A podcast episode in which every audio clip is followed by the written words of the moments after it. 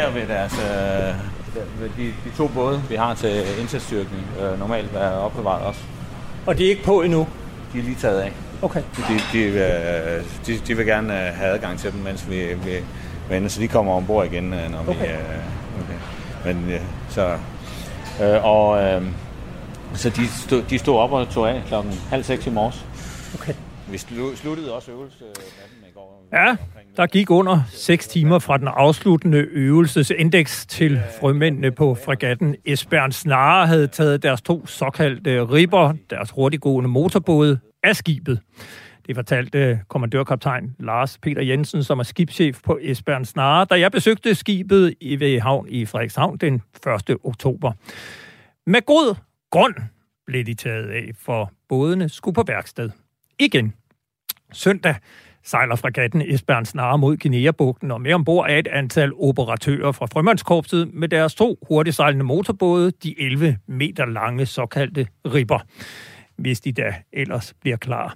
Det skulle de have været tilbage i foråret 2019, men fejl på fejl har udskudt overdragelsen til Frømandskorpset, og her fem dage før afsejling er bådene stadig på værksted og endnu ikke overdraget til operativ brug i Frømandskorpset. Det taler vi meget mere om i dag, men vi skal også forbi sagen om den ikke fyrede forsker Peter Viggo Jacobsen fra Forsvarsakademiet, som vi har fulgt i de seneste udsendelser. Du lytter i øjeblikket til Frontlinjen. Mit navn er Peter Ernst ved Rasmussen. Velkommen til. Og jeg kan jo lige så godt sige det, som det er, at denne udgave af Frontlinjen bliver en lille smule speciel. Det skyldes, at vi i dag skal behandle et af den slags emner, hvor kilderne ikke ligefrem står i kø for at være med. Man kan måske rettere sige, at de ansvarlige nøglepersoner pænt har takket nej til vores forspørgseler om at få dem med i programmet. Hvem de er, skal vi nok vende tilbage til. Men lad os indlede med sagens kerne. På søndag sejler den danske fregat Esbjørn Snare fra Frederikshavn på en dansk national solomission for at forebygge og bekæmpe pirateri i Guinea-bugten ud for Afrikas vestkyst. Helt afgørende for missionens succes er det, som man kan kalde en maritim indsatsstyrke. Kernen i denne indsatsstyrke, som også består af personel fra militærpolitiet, består af specialoperationssoldater fra Frømandskorpset. De er uddannet til at kunne blive indsat i skarpe, højrisikoopgaver, som eksempelvis at kunne bore handelsskibe og befri gisler på kabrede skibe, som altså er blevet angrebet af pirater. Men i dag kan Olfi og Radio 4 afsløre, at der pludselig er opstået alvorlig tvivl om, hvorvidt Frømandskorpset både overhovedet bliver klar til indsættelse med blot fem dage til afgang af Frømandskorpsets to hurtigsejlende motorbåde endnu ikke overdraget fra Forsvarsministeriets materiel- og indkøbsstyrelse.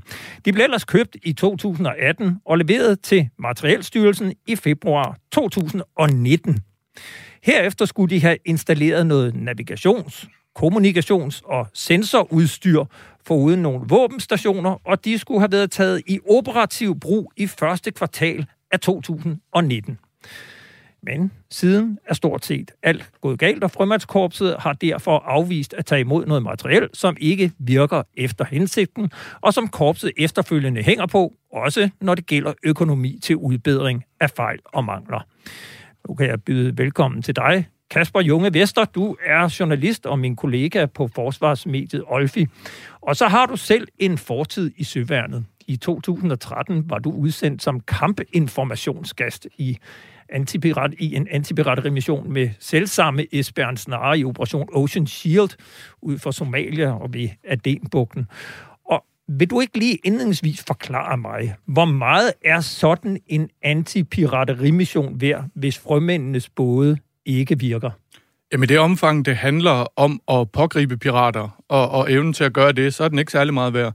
Fordi det er i praksis umuligt uden de her hurtiggående både. Hvorfor?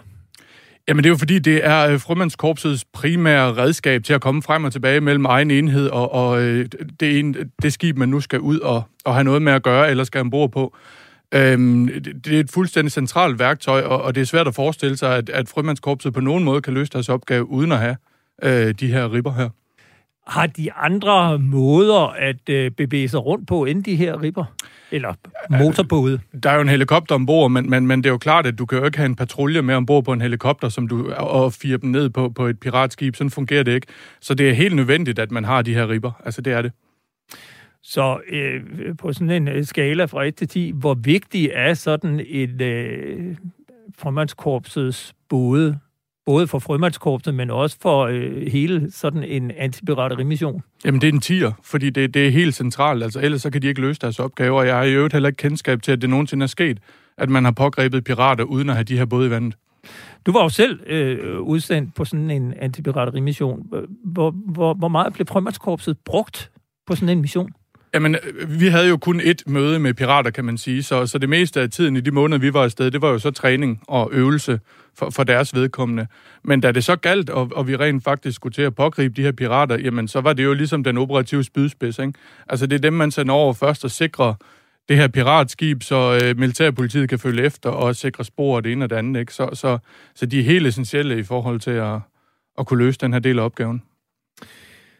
Og for at du som lytter er med på, hvilke myndigheder vi taler om, når vi nu skal til at gennemgå øh, hele sagen her. Så kommer her sådan en lille øh, slags audiovisuel øh, faktaboks. Når forsvaret skal købe nyt materiel, så bliver det indkøbt af den myndighed, som hedder Forsvarsministeriets Materiel- og Indkøbsstyrelse. Den ligger i Ballerup, og styrelsen refererer direkte til Forsvarsministeriets departement. Når materiellet er endeligt testet og godkendt, så bliver det overdraget til de operative enheder og myndigheder, som alle hører under Forsvarskommandoen. Her er forsvarschefen øverste chef, og han hedder Jørgen Flemming Lendfer. Og da Materiel- og Indkøbsstyrelsen anskaffede de omtalte motorbåde, var Flemming Lendfer direktør i Materiel- og Indkøbsstyrelsen. Under Forsvarskommandoen, der har man en anden kommando, der hedder Specialoperationskommandoen, hvor generalmajor Peter Bøjsen er chef. Han har under sig forsvarets samlede specialstyrker, og det vil sige, at han har under sig både Jægerkorpset, Frømandskorpset og Sirius-patruljen. Frømandskorpset er således en myndighed under Specialoperationskommandoen, der refererer til Peter Bøjsen.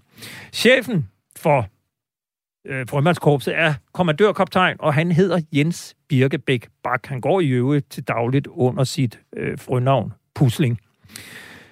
Som jeg tidligere oplevede, øh, eller som jeg tidligere sagde, så oplevede Frømandskorpset senest tekniske udfordringer med bådene under de afsluttende forberedelser op til operationen. Og det erkender Forsvarskommandoen i et skriftligt svar, som de har sendt til os. Kan du ikke fortælle, hvad er det egentlig, de skriver, Kasper? Jo, og jeg kan, jeg kan citere direkte her.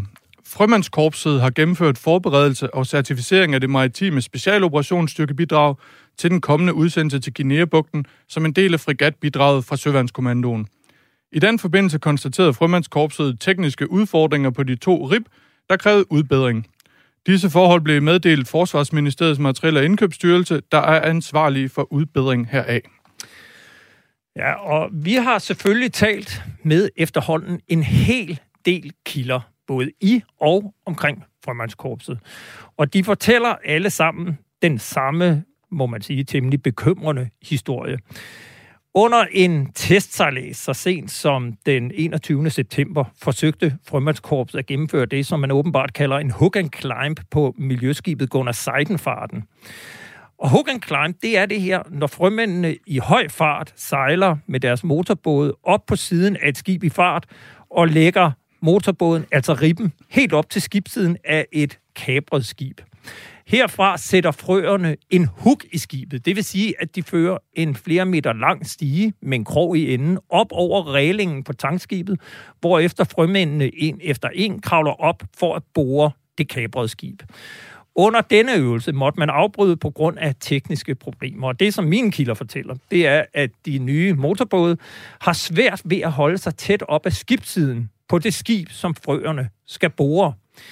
Det er et problem, for når der kommer luft og afstand mellem selve motorbåden, altså ribben, den her luftponton, som er en del af motorbåden, og det skib, der er blevet kapret, altså skibstiden her, så øger det risikoen alvorligt for, at operationen går galt.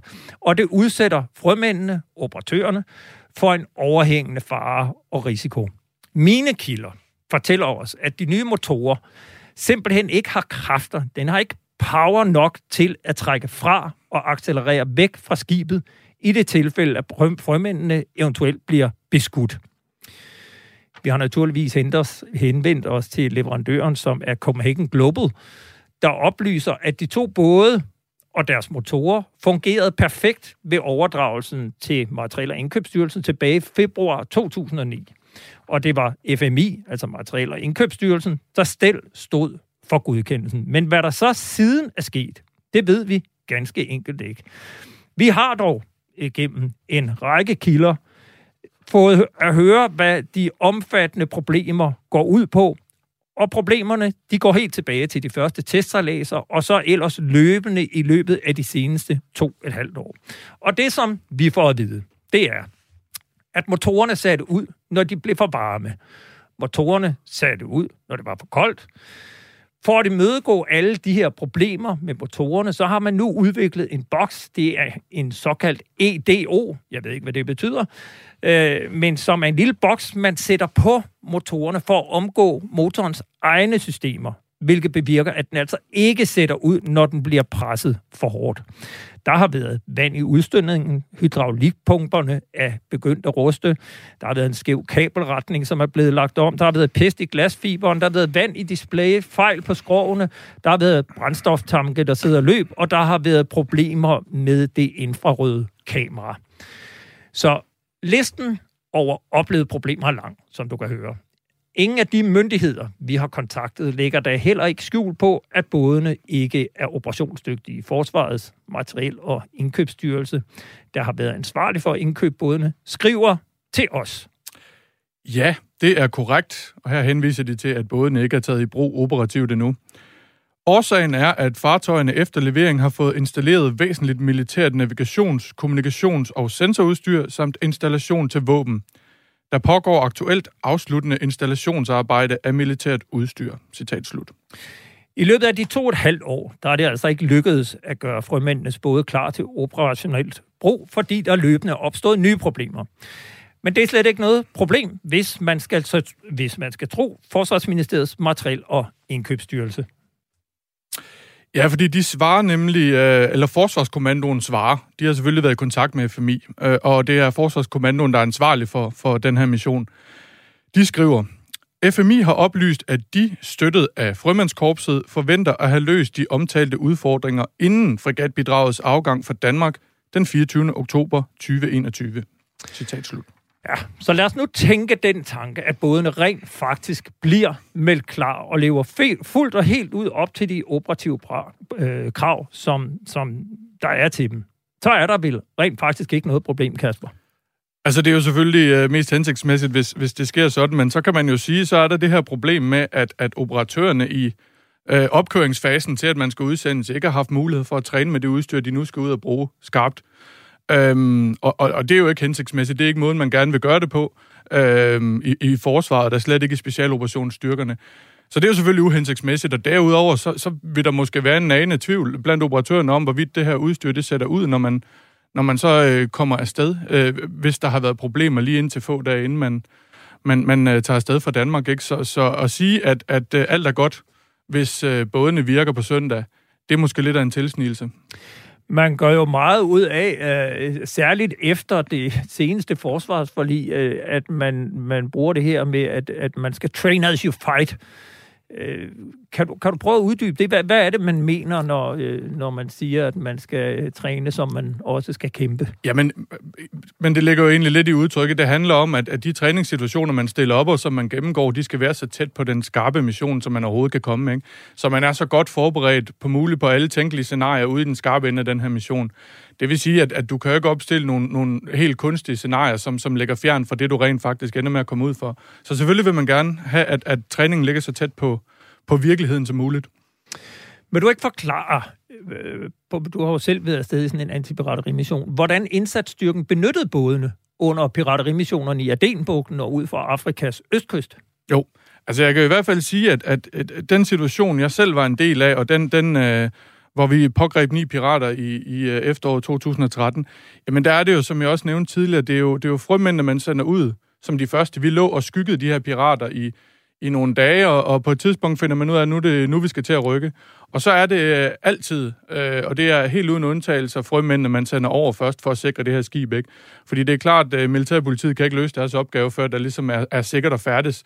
Øh, om det så er en dag, eller et moderskib, eller en, en skift, man skal over og, og pågribe pirater på. Så, så det er øh, frømændenes primære transportmiddel, og det er fuldstændig centralt for deres øh, opgaveløsning. Øhm, man kunne også forestille sig en situation, hvor man skal ombord på et kabret skib. Jamen så, øh, du har sandsynligvis en helikopter i luften til at observere, men det er jo, altså frømændene bliver transporteret på de her ribber, ikke? Øh, og det skal gå stærkt, og det skal virke øh, hver gang. Ja, man kunne få den tanke, at det virker sådan en lille smule pudsigt, at bådene her efter to og et halvt års værkstedsmarit nu bliver klar til missionen. Noget tyder måske endda også på, at det er, hvad man bedst kan kalde for en befalet succes. Faktum er nemlig, at frømandskorpset ikke råder over andre både, som korpset kan sende med frigatten. Det skyldes, at de oprindelige tre øh, ribber, altså de her hurtiggående motorbåde, som blev anskaffet for otte år siden, på grund af ekstraordinært stor slitage og manglende vedligehold, er ukampdygtige. Det erkender Forsvarskommandoen i en mail til Olfi. Ja, de skriver, det bliver ikke aktuelt at bringe de gamle rib i anvendelse til udsendelsen til Guinea-bugten, da disse for nuværende ikke er operative. Og øh, Materiel- og Indkøbsstyrelsen skriver om de gamle ribber.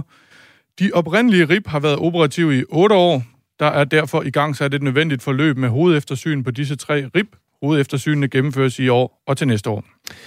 Derfor er der heller ingen alternativer, hvis fregatten Esbjørn snarere skal have et maritimt indsatshold med på den solomission, som altså begynder på søndag og som er planlagt til at vare i et halvt år. Man kan derfor konstatere, at Forsvarets Specialoperationskommandoen, Frømandskorps og ikke mindst Forsvarsministeriets materiel- og indkøbsstyrelse er under et massivt politisk pres for at få bådene klar.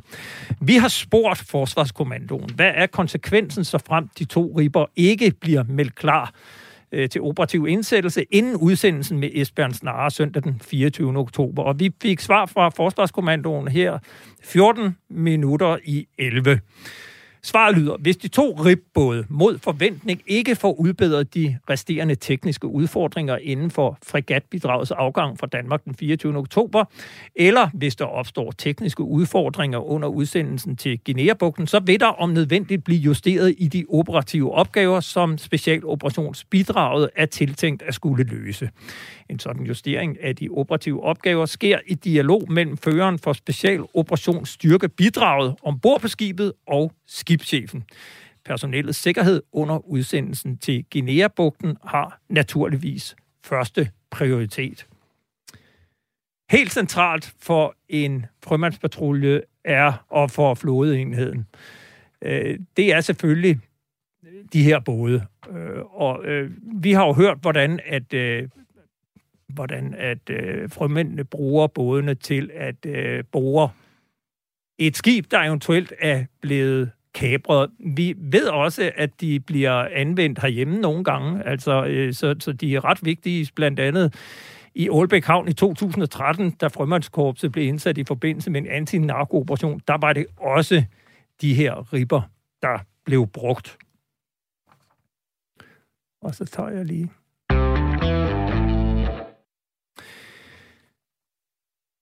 Bådene, der er en hyldevare inden for specialoperations. Jeg prøver nu, nu springer jeg lige lidt rundt i mit, øh, i mit manuskript her. Lad os dvæle lidt ved, hvad en 11 meter RIB og Naval Warfare System fra et, den her virksomhed, der hedder United States Marine Incorporated, egentlig er for et fartøj. 11 meter rib only has two weapon stations when we can mount 240, 50 cal or Mark 19 between those two. So it's not a heavily armed vessel. So what we have is our speed, and our firepower. So when we spin the boats like that, it allows us to keep a... Det her det er en præsentationsvideo, man kan finde på øh, YouTube, Kasper. Du har været ude at sejle i en af de gamle mo- altså motorbåde, som Frømandskorpset havde med, da du var afsted. Vil du forklare, hvad det er for en oplevelse? Jeg skal skynde mig at sige, at øh, nu er jeg ikke frømand, øh, og, og den tur, jeg har sejlet i det her, det er det, man kalder en velfærdstur.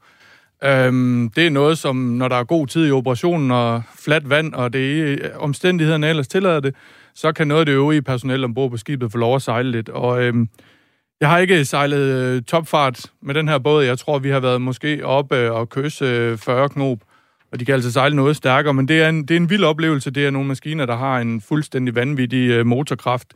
Det er øh, hårdt for kroppen. Altså, man, man, står, øh, man sidder ikke ned på sådan en båd her. Man står sådan og hviler på et sæde, bøjer lidt i benene, øh, så man kan tage fra, når, når båden er op og plane. Øhm, vild oplevelse.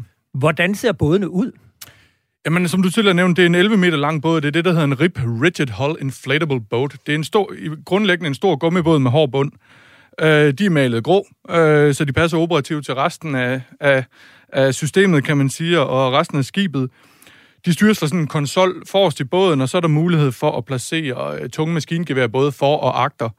Øhm, så er der plads til øh, typisk to fører, eller en fører og en navigatør, og så op til 10 øh, passagerer, måske det forkerte ord at bruge, men, men i hvert fald en fuld frømandspatrulje. Øh, fregatten har jo også selv nogle motorbåde ombord. Hvad er forskellen på øh, fregattens egne ribber og så øh, frømandskorpsets? Jamen, øh, en, en, der er både en størrelsesforskel, men der er også en forskel i fremdrift. Altså, de, de både, man har ombord, det er nogen, som bruges til at løse opgaver om, omkring skibet. Man har sådan nogle orange både. Dels så kan du ikke sejle rundt i orange både, for så bliver du set. Dels så kan de ikke bevæge sig så hurtigt. De er mindre, der er ikke plads til lige så mange øh, folk ombord, og de kan ikke sejle lige så stærkt. Altså med andre ord, de kan ikke løse den opgave, som frømændenes egne både skal kunne løse overhovedet. Hvor hurtigt kan sådan nogen sejle? Jamen, øh, det, er jo sådan, det er jo hemmeligt. Uh, man kan sige, det som øh, producenten selv skriver på sin side, det er 40 plus knop. 40 knop, det er cirka 70 km i timen, 74 km i timen. Uh, men jeg kan godt afsløre, at de kan sejle noget stærkere.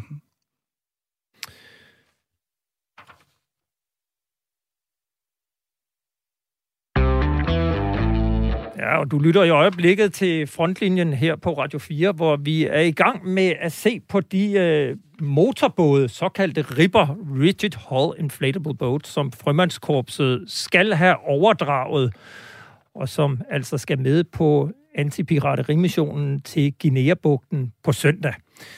Bådene, der er en hyldevare inden for specialoperationsverden, blev bestilt af forsvaret i 2018. Kontrakten den blev underskrevet i maj 2018, og i december samme år blev bådene godkendt af Materiel- og Indkøbsstyrelsen under et besøg, på, øh, besøg i USA. Med til den her historie hører det, at auditørkorpset som er forsvarets anklagemyndighed, siden 2019 har efterforsket chefen for frømandskorpset, kommandørkaptajn Jens Birkebæk Bak, altså ham, der går under frønavnet Pusling, for at afdække hans rolle i forbindelse med tildelingen af kontrakten til virksomheden Copenhagen Global. Det er en virksomhed, der ejes af den tidligere frømand Jeppe Hanværk, som også privat plejer omgang med pusling. Den her sag, den bliver stadig efterforsket af auditørkorpset, og jeg lover, at vi nok skal vende tilbage til den, når der er en afklaring på den sag. Men hvis vi vender tilbage til ligesom hovedsporet, så blev de to både leveret til Martel- og Indkøbsstyrelsen i februar 2019. Prisen lød på 27 millioner kroner, inklusiv noget uddannelse og træning. Og Kasper, hvorfor blev de ikke taget i brug der i 2019? Jamen, det handler grundlæggende om, at øh, Forsvarsministeriets materielle indkøbsstyrelse selv vi efterinstallere noget udstyr. Altså, man vil selv militarisere de her både, øhm, i stedet for at købe nogle af de her pakker, der ligesom man kan købe med, når man øh, køber de her hyldevarer. Så det, det er simpelthen derfor. Ja, og vi har også øh, skrevet til USMI, altså United States Marine Incorporated, som er den virksomhed, der har produceret bådene, og øh, de fortæller til os, at de ikke er blevet bedt om at assistere øh, efterfølgende, efter bådene er blevet leveret. Øh, vi har blandt andet talt med Barry Dreyfus, der er CEO, altså øverste direktør for USMI. Øh, og han er heller ikke vidne om, at der skulle have været tekniske problemer med bådene, efter de er blevet leveret. Så leverandøren og producenten af bådene melder altså hus forbi, og de problemer, der er med bådene, de skyldes altså, må vi forstå, en alene, hvad der er sket, efter de er blevet overdraget til Materiel- og Indkøbsstyrelsen. Vi vil naturligvis derfor gerne have spurgt Materiel- og Indkøbsstyrelsen, om øh, styrelsen finder forløbet tilfredsstillende. Det har Materiel- og Indkøbsstyrelsen ikke ønsket, fordi de mener, at øh, dialogen skal tages imellem myndighederne. Ja, de skriver, vi medgiver, at det er utilfredsstillende, at den operative ibrugtagelse er blevet forsinket. Vi ønsker i midlertid ikke at bidrage til at ybe kiv mellem myndigheder i medierne, men søger gennem konstruktive interne dialoger med samarbejdspartnere, brugere, kunder og leverandører at overkomme de udfordringer, der er. Det skriver altså Materiel- og Indkøbsstyrelsen. Heller ikke Specialoperationskommandoen eller Frømandskorpset ønsker at stille op til interview. Ja, vi taler altså om de ripper hurtiggående motorbåde, som blev købt til Frømandskorpset i 2018, som skulle have været leveret i 2019, men som stadig ikke er overdraget til operativ brug, men altså nu under alle omstændigheder skal med den danske fregat til Guinea-bugten på en mission, der begynder med afsejling af fregatten på søndag fra Frederikshavn. Med mig i studiet er Kasper Junge Vester, min kollega fra Olfi, og nu kan jeg så også byde velkommen til dig, Søren Espersen. Du er forsvars- og udenrigsordfører i Dansk Folkeparti. Du har lyttet med under udsendelsen. Jeg kunne godt tænke mig at spørge dig, hvad tænker du om hele denne her sag? Ja, det er en meget ejendommelig øh, historie, der bliver rullet op, og jeg synes, det er, øh, det er godt fundet, øh, at, at det foregår på den her måde. Jeg, jeg ved ikke, hvad jeg skal sige til det andet, at, at på søndag, der skal det da blive interessant at se, hvad det er, man så øh, øh sejler afsted med, og der må man da så håbe, at, der, at, at de også kan tages i brug. Jeg er ikke fagkyndig nok til at vide, om man kan lave øvelser, øh, når, mens man er undervejs øh, på en eller anden måde til, til guinea Det kunne jo være. Men hele forløbet øh, tyder på en, en ret dårlig planlægning, det må jeg sige. Vidste du, at frømandskorpset endnu ikke har fået de, nu siger jeg gåseøjne, nye motorbåde, som altså skal med fregatten til Guinea-bugten på søndag, at, at frømandskorpset endnu ikke har fået øh, overleveret dem til operativ brug? Nej, det har jeg i hvert fald ikke hørt. Øh, det er muligt, at der er et eller andet, der er undsluppet min opmærksomhed, men det tror jeg nu ikke. Øh, jeg har ikke hørt om det her, øh, før at øh, man ringede fra, fra Olfi og, og, og også nu Radio 4. Så det er nyt for mig, det her. Og det skal vi selvfølgelig have undersøgt. Nu tror jeg lige, man skal give øh, sø, hvad hedder det, forsvaret the benefit of the doubt, og så sige, lad os se, hvad der sker på søndag, og så kan vi måske tage det bagefter, øh, og de, de øh, ting, der bliver skal spørges ind til, og som vi øh, givetvis vil være interesseret i alle sammen. Det her, det er jo utroligt, at vi faktisk har fem eller var det seks? Øh, fem, den, fem i alt? Ja, ja, fem i alt, så, så, som ikke er, er, er arbejdsdygtige. Altså det, det synes jeg lyder meget, meget besynderligt, for jeg ved i hvor høj grad øh, formandskorpset bruger de her rundt omkring på, på øvelser i, i, i Danmark. Så det, det er højst, højst besynderligt, og det er dårlig planlægning. Ja, og man kan jo også sige, at øh, de her både, altså det er fuldstændig korrekt, hvad du siger, der er fem såkaldte ribber, altså hurtiggående motorbåde, som Frømandskorpset råder over. De tre ældste, som altså er otte år gamle, er ikke operative, fordi de, øh, som det er lige nu, er fuldstændig nedslidte. Så har man fået to nye, som endnu ikke fungerer, som de skal, og derfor ikke er overdraget til Frømandskorpset. Så det, at Frømandskorpset har fem både, hvor ingen er operative, og man samtidig ved, at Frømandskorpset jo har et nationalt beredskab, hvor de skal være klar til at assistere politiet, Rigspolitiet i øh, både antiterrormissioner, men også, som vi hørte før, altså hvis der pludselig er behov for øh, narkosmugler, så er det jo frømandskorpset, man skal sætte ind. Det, at du nu får at vide, at de her både, de er ikke operative. Øh, hvad, hvad siger det dig, Søren Espersen?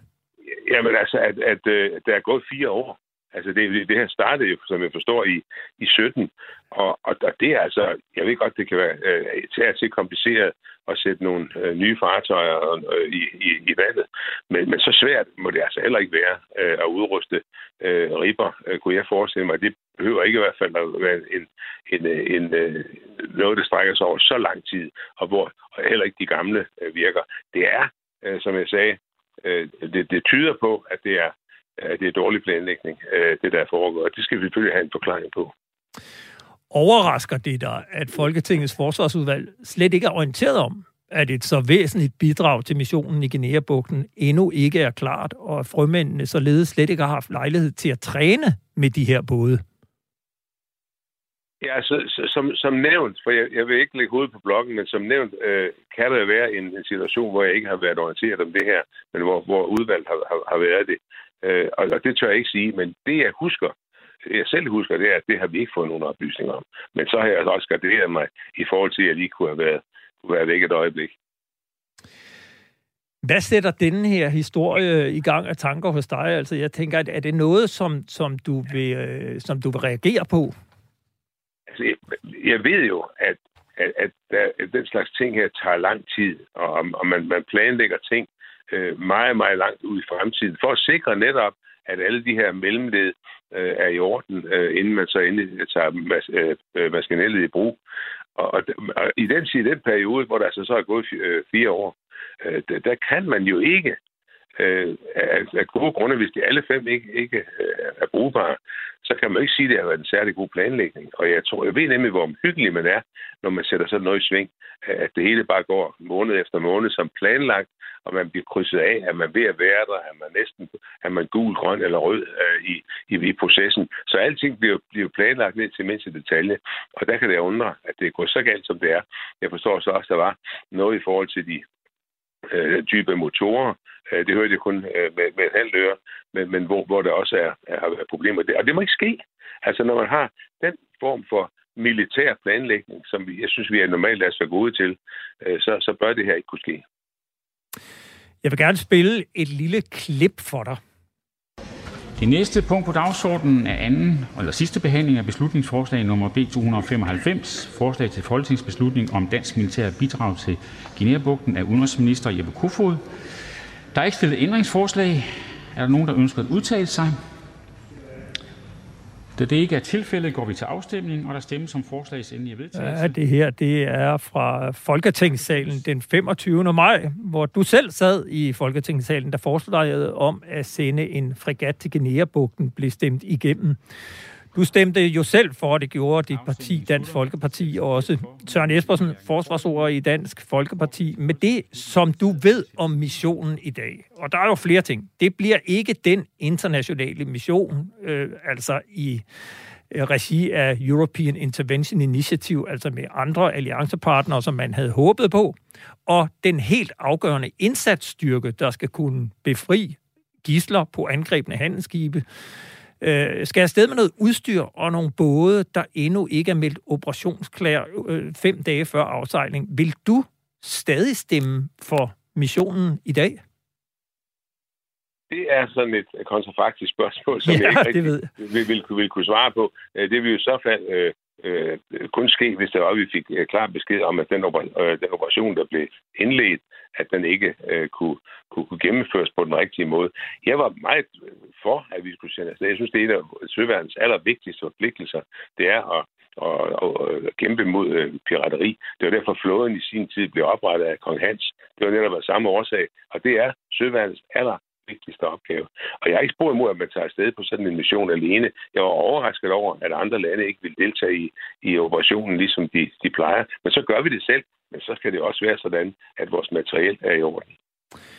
Vi har stadig lidt tid her, øh, så jeg kunne passende lige spørge dig om netop det her forhold, altså at man ønskede, at det skulle være en, en mission, hvor vi var sammen med nogle andre lande. Altså forsvarsministeren nævnte selv det her, hun håbede, det blev regi af European Intervention Initiative, bedre kendt som EI2. Vi har tidligere været afsted øh, under regi af NATO, vi har sågar også været hjulpet EU og FN nu tager vi afsted alene. Hvad mener du om, at vi fra et lille land som Danmark alene sender en fregat afsted for at øh, forhindre og forebygge pirateri? Alternativet er så, at der ikke var nogen. Og, og, og det er derfor, jeg synes, det er væsentligt. Altså, når, når, når vores handelsskibe øh, og rædderiforeninger osv. kan sige og fortælle os, at der, øh, der kan være problemer undervejs osv.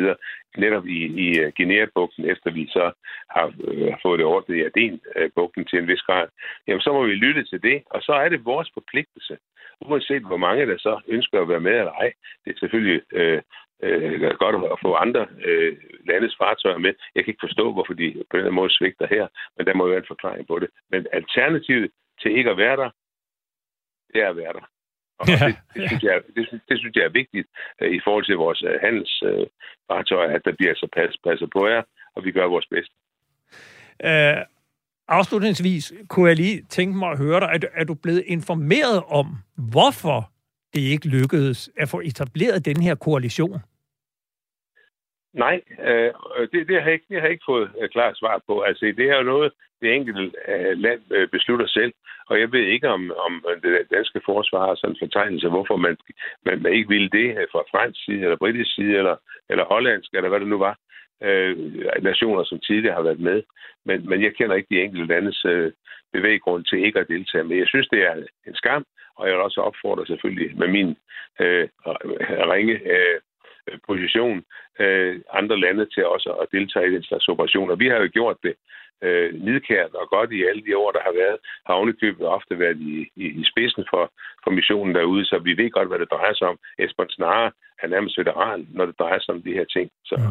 lad os håbe, det lykkes, og så ser vi frem til på søndag. Jeg vil sige tak, fordi vi måtte ringe dig op her i din efterårsferie. Søren Espersen, udenrigs- og forsvarsordfører for Dansk Folkeparti. Så lidt tak. De seneste tre uger har vi forsøgt at få et svar fra forsvarsminister Trine Bramsen på, hvorfor det ikke lykkedes at etablere den internationale antipiraterimission i Guinea-bugten, som der blev lagt op til under præsentationen af missionen i marts.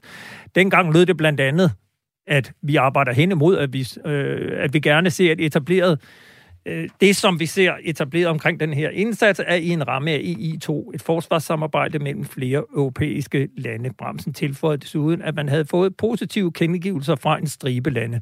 Vi spurgte Forsvarsministeriet, hvorfor det ikke lykkedes at etablere denne mission. Og først fik vi et ikke-svar fra ministeriet, men nu er der så kommet svar. Efter sidste udsendelse modtog vi dette citat. Forsvarsministeriet kan ikke oplyse om indholdet af fortrolige samtaler med andre nationer. Øh, den klare vision var og er at skabe grobunden for et styrket militært samarbejde i Guinea-bugten med det formål at bekæmpe pirateri. Denne vision har mødt opbakning blandt flere EI2-medlemslande. Flere europæiske lande bidrager med substantielle nationale indsatser i Guinea-bugten. De forskellige nationale bidrag kan og vil i relevant omfang koordinere med hinanden under deres indsættelse i Guinea-bugten. Vi har selvfølgelig også spurgt forsvarsminister Trine Bramsen om et interview i forbindelse med sagen om Frømandskorpsets motorbåd, men hun ønsker heller ikke at stille op. Og så skal vi videre til en helt anden historie.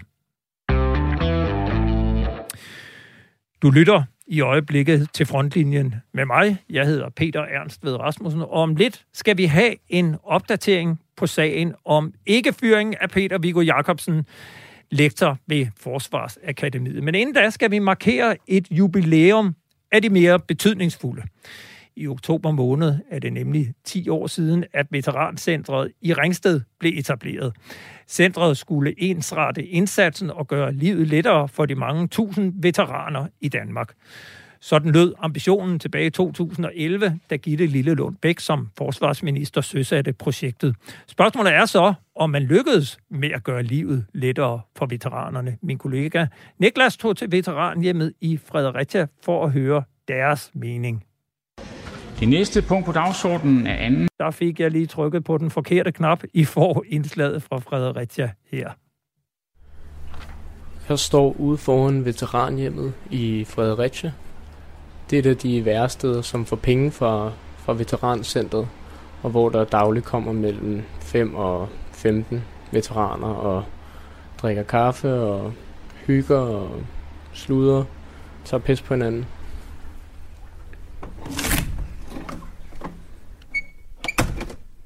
Det er godt, det er kommet op og køre, vil jeg sige, fordi dengang i, øh, tilbage i 90'erne, der var der jo ikke noget der hjælp til noget som helst. Der skulle vi bare være klar os selv. Jeg er taget til Fredericia for at møde et par af stamgæsterne. Og spørgsmålet det er ret simpelt. Mener de, at Veterancentrets 10-års jubilæum egentlig er noget at fejre? Flere af de besøgende på veteranhjemmet var udsendt under Balkankrigene i 1990'erne, så ingen er bedre til at svare på spørgsmål. De har nemlig oplevet livet som veteran både før og efter 2011. Det gør du sikkert ikke. Gør du? Nej. Nej, det tænkte jeg nok. Men dem, der skal ryge... Nej, ikke nu. Ikke nu. Dem, der skal ryge, de skal nemlig ryge nu. Ja. Er du ved at have kaffe, Kevin? Ja. Det var godt. Så behøver jeg ikke at... Nå, var det mig? Ja, du ved. Jeg hedder Kevin Bakkesen. Jeg har været udsendt i, øh, fra august 93 til august 94, Kiseljak, Sarajevo, Bosnien-Herzegovina. Og så var jeg igen i øh, Dubai i Bosnien fra august 99 til februar 2000. Og så var jeg i Kuwait i to måneder med flyvåbnet. Og så har jeg været i Litauen Air Policing med flyvåbnet også i 2018. Og nu går jeg syg med, med meget svær PTSD efter mine oplevelser fra øh, hovedsageligt tilbage fra 93 af. Jeg kommer her stort set dagligt, både om hvis jeg har det skidt eller dårligt. Kommer herned og kan være her, som har det skidt, og så lige få et godt grin og smil. Og, og så øh, lige tankerne kommer væk, og så kan man så tage hjem, tage man hjem igen, og så, godt, så sidder man måske lige derhjemme og, og sumper igen. så, men det er et dejligt sted at komme herned mange gange. Det er det. Da man i 2011 under forsvarsminister Gitte Lillelund Bæk oprettede Veterancentret, var et af formålene blandt andet at samle alle tilbudene til veteraner under en paraply og med én indgang til hjælp i form af et akutnummer. Kender du det nummer? 72 81 97 00. Er det du har sådan skrevet ind i din, øh, din telefon? Eller Nej, det har jeg Nej, det har jeg ikke skrevet ind. Nej, ved du, hvad det er for nummer? Ja, det er til Veterancenter. Selvom Kevin Bakkesen ikke kan telefonnummeret udenad, har han benyttet sig af flere veterancentrets tilbud, blandt andet i form af psykologhjælp mod sin PTSD på afdelingen for traume- og torturoverlevere, også kaldet ATT. Det er psykologsnak, øh, og så op på ATT, der det er jo også noget psykologsnak og noget øh, med fysioterapeut og noget mindfulness-agtigt øh, noget. Det kan så være svært for mig at, at være med til det. Det kan jeg ikke finde ro til. Øh, men ellers så er det, har det været gruppeforløb, men jeg har været i deroppe, og det har faktisk egentlig været øh, ok, øh, godt, øh, kan man sige. Men øh, de kunne så desværre bare ikke øh, behandle mig videre. Det er altså ikke alle veterancentrets tilbud, der har fungeret for Kevin Bakkesen. Men han er ikke i tvivl om, at oprettelsen af centret har været en stor forbedring i forhold til, hvordan det var før. I forhold til der i 90'erne, hvor der ikke var noget, så er det blevet nemmere med Altså, der er kommet sådan et sted som veterancenter? Meget nemmere. Absolut. Jeg ville godt ønske, der var det dengang, men uh, sådan var det jo ikke. Nej. Det, som de, de sagde dengang, jo, det var jo Danmarks ved Vietnam. soldater, ikke? Men uh, ja, det var der så ikke noget at gøre ved, jo. Der stod vi jo selv med alting. Der står en kastanjemand. Ja, de er blevet frygtelig moderne. Ja. Det er helt vildt. Er det lejligheden, der var i gang med at lave kastanjemænd? Er det dig, der var i gang med at lave kastanjemænd? Jo, det er kun, kun hvad dig. Nej, det har du ikke. Har du set den? Har du set kastanjemænd? Ja, jeg har set det stå der. Det ligger også Jamen, har du set den? Nej. Det har jeg ikke, fordi okay. den er bare navn. Det, det er jo kedeligt. Hej, Ingeborg. Hej, Ante. Hej. Anty Kruse Broen Christensen fra Fredericia. Øhm, jeg har været tjenestegørende i øh, Haderslev og i Vordingborg og i Aalborg og i Fredericia. Jeg har været udsendt øh, første gang. Øh, nu er det jo ikke lige foregår så øh, øh bagover med mig, hvis det ikke er helt præcist. Men jeg mener, det var i 93, vi var afsted. Første gang, det var til Kroatien dengang, eller Ukraine. Og min sidste udsendelse var i 08. Det var Afghanistan. Jeg er 51, og øh, jeg øh, har øh, fået øh, galopperende PTSD, øh, så jeg er blevet kasseret på arbejdsmarkedet. Mm. Øh, så jeg er førtidspensionist i dag. Der er jo det der på veterancenteret, så, så lå de så ligesom meget op på det der med at samle det hele et sted ja. og under et telefonnummer. Kender ja. du det der uh, telefonnummer? Ja, og det er også rigtig godt, hvis jeg prøver at tænke tilbage på min egen situation og det, jeg hører fra andre, at øh, når ballonen nu går op på et eller andet tidspunkt, øh, uanset om det er kommet snigende eller om det kommer pludseligt, at så er man som regel fuldstændig rundforvirret og ved ikke, hvad pokker man skal gribe i, eller hvad man skal greje i, og mange gange, så er det jo ikke ens egen læge, man skal have fat på, fordi de ved lige så lidt om det, som, øh, som alle andre almindelige mennesker gør. Øhm, så jeg synes, det er rigtig godt, at man har fået lidt et, øh, hvad kan man kalde det, et centralt nummer, man så ringer til, og så derigennem prøver de at fordele, hvem er det så, du skal prøve at tage kontakt til, eller hvis de er så venlige, at de vil formidle kontakten til en. Øh, og der er jo netop en grund til, at man har en central linje. Det er fordi, at folk står lidt i en svær situation, hvor man jo altså bare bliver rundsosset over selv de mindste ting. Så det synes jeg er rigtig godt. Og vil du sige, så har Veteranscenteret gjort dit liv nemmere som veteran? Ja, ja, det er jeg jo nødt til at sige. Det har de. Øh, og jeg, jeg har da stadigvæk nogle, øh, nogle forslag til, hvad man kunne ændre eller gøre bedre. Det er slet ikke det. Øh, men, men de har gjort en stor forskel, og det er virkelig godt. Altså, vi skal sætte pris på, at, at man nu har fået det oprettet. Øh, for, for os, der nu kan huske tilbage på, da det ikke var der, øh, så kan vi jo øh, se forskellen. Ikke? Så nu, nu de er her, det er simpelthen godt. Øhm, så har jeg jo selvfølgelig, som alle andre brokoder, så har jeg jo selvfølgelig også nogle tilføjelser til det, at man kunne gøre det lidt anderledes. Og, øh, Andy Christensen frygter eksempelvis, at Veterancentret ikke kan opjustere hurtigt nok, hvis soldaterne fra Afghanistan pludselig dukker op i samme antal, som Balkan-veteranerne gjorde det, mange år efter, at de ellers var kommet hjem. Konkret peger han også på, at nogle veteraner stadig havner mellem to stole, fordi der ikke er enighed om, hvorvidt det er kommunen eller veterancentret, der har ansvaret. Selv bøvler Andy med igen at få en servicehund. Så det slås jeg lidt med. Nu har jeg så fået afslag ved kommunen, og så må jeg jo kravle tilbage til veterancenteret og høre, om de vil hjælpe mig endnu en gang. Okay. Og det vil jeg jo så håbe, de gør, men det må tiden jo så vise. Veterancenteret har 10 års jubilæum. Er der noget at fejre? Mm, mm, det, er en, det er en svær en, synes jeg. Fordi at, øh, øh, på en måde så er det jo, altså det er jo, det er jo godt, det er kommet op at stå det er godt, at man øh, på et tidspunkt øh, fik åbent øjnene for, at både officerer og menige øh, råbte op om, at der skulle altså være noget øh, specielt hjælp til veteranerne. Og det er der jo så kommet. Jeg ved ikke ligefrem, om jeg vil fejre det, fordi jeg synes jo lidt, det er på en, øh, en trist baggrund. Altså, det er jo det er jo kun nødvendigt at have op at stå, fordi folk kommer til skade, eller folk bliver skadet. Øhm, så det svarer lidt til, at øh, når man får den øh, fæsende medalje, så for såret i tjeneste, at øh, så folk går øh, pænt hen og siger øh, tillykke med medaljen. Jamen, altså, jeg synes sgu ikke rigtigt, at der er noget at fejre. Altså, øh, eller man har fået sin førtidspension. Skal man også sige tillykke til det? Altså, langt de fleste nede på gulvet vil ikke ligefrem fejre det. Altså, der er sgu ikke noget at fejre. Øhm, men, men det er sådan lidt øh, tvægget, altså det er jo både overfor, det, det er jo skide godt, at de er kommet, det er jo slet ikke det.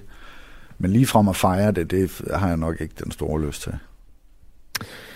Ja, du lytter til Frontlinjen, og mit navn er Peter Ernstved Rasmussen.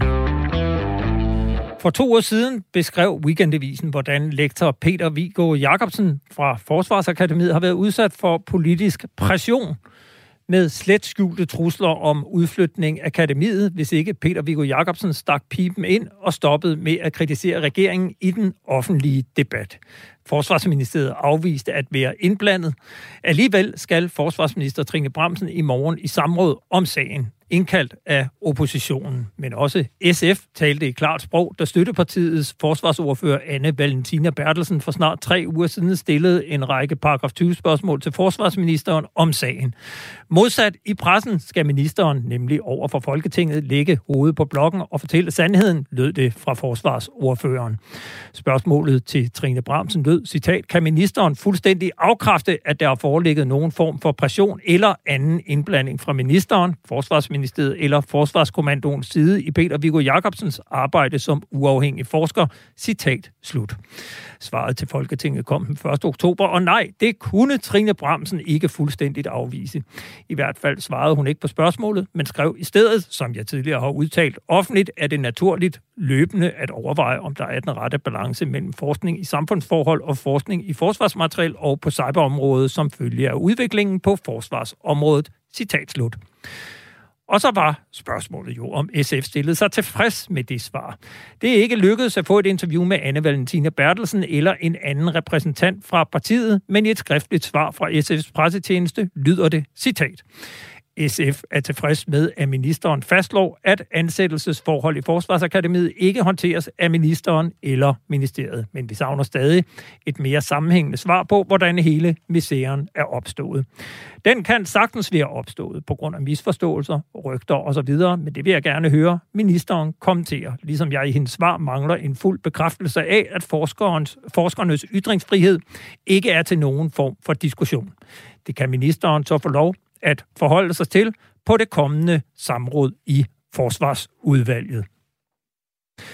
Jeg har kun at sige om den sag, at fortsættelse følger. Efter flere ugers kommunikation frem og tilbage har Henrik Rydberg, som er chef for Forsvarsakademiet, nemlig sagt, at ja til at lade sig interviewe os, og det kan vi gøre den 29. oktober. Han er en af de få centrale aktører, som må formodes at vide, hvad der er op og ned på den sag.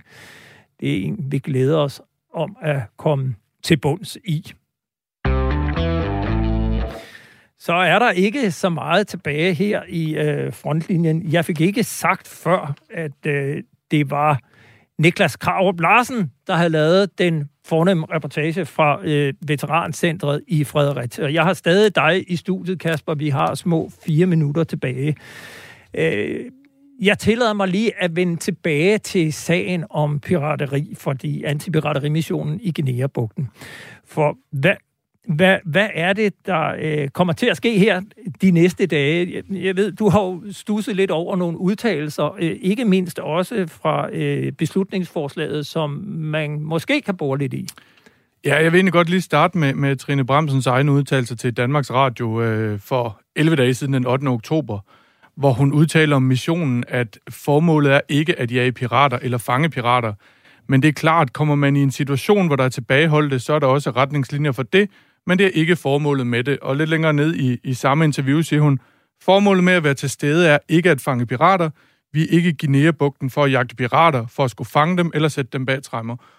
Og når man læser beslutningsforslaget, så har hun i og for sig øh, ret i det. Øh, det er ikke, fordi hun sådan afviger meget fra det, men rent journalistisk, så interesserer det selvfølgelig mig, hvad hun har vidst, øh, dels da øh, beslutningsforslaget blev fremsat, men også da hun udtalte det her i forhold til materielsituationen.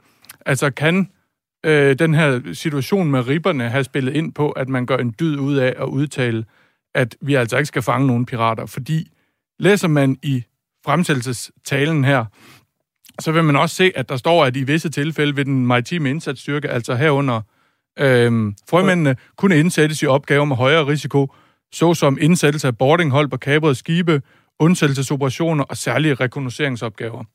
Og, og, og det vil bare sige, at øh, det du øh, lidt fornemmer her, det er, at forsvarsministeren måske har været meget opdateret og klar over, at man har problemer med de her øh, både, som frømandskorpset bruger, og derfor gør en dyd ud af at tale den del ned, at det ikke er derfor, vi er til stede. Det er jo ren spekulation, men det er da afgjort et op, oplagt spørgsmål at få stillet. Altså, hvad, hvad er baggrunden for, at man understreger meget tydeligt, at vi i hvert fald ikke skal fange pirater dernede? Øh, men jeg kan jo også konstatere, at man har ikke udleveringsaftaler med landene i regionen, i hvert fald ikke. Det har i hvert fald ikke været fremme i offentligheden. Øh, så der er jo flere ting, der peger på, at, at man ikke regner med at, øh, at skulle fange pirater. Ja, og på den måde kan man jo også sige, at øh, den nye mission i Guinea-bugten adskiller sig markant fra den eller de missioner, vi havde i Adenbugten og ud for Somalias kyst, hvor der jo rent faktisk øh, gennem FN blev givet tilladelse til for det første, at øh, militære flådefartøjer måtte sejle ind i national farvand omkring Somalia, man måtte sågar sætte øh, boots on the ground. Det var nationalt, øh, man skulle beslutte, om man ville gøre det, men, men fra FN's side havde man, havde man egentlig ret til det. Og det vil sige, at øh, frømændenes rolle var meget mere øh, offensiv, end den lader til at blive øh, her i, øh, i Guinea-bugten. Så Kasper, jeg vil sige øh, tusind tak, fordi du øh, bevægede dig fra Odense til København for at være med i studiet. Hvad skulle du lave resten af dagen? Jamen, jeg skal til at følge op på den her sag faktisk, så jeg tænker, jeg skal sende nogle spørgsmål afsted til de rette myndigheder. Det er godt, og jeg lover, at øh, vi følger op på hele den her sag, øh, som lytterne også kunne høre, så er der i hvert fald også politisk bevågenhed på den, og øh, vi dækker den i hvert fald både på Olfi og på øh, Radio 4 i frontlinjen. Næste gang lover jeg, at vi vender tilbage og fortæller, hvad der så er sket, siden det nu er kommet frem. Kom fregatten afsted med det bidrag, som altså er med Frømandskorpsets nye motorbåde. Du har lyttet til Frontlinjen. Husk, at du kan lytte til alle udgaver af programmet i din podcast player, eller ved at besøge radio4.dk-frontlinjen. Har du ris eller ros, eller idéer til emner, vi bør tage op i programmet, så kan du sende en mail til frontlinjen, radio4.dk. Tilbage er der bare at sige. Tak fordi du lyttede med, og på glædeligt genhør om en uge, samme tid, samme sted. Nu er der tid til nyheder. Klokken er 12.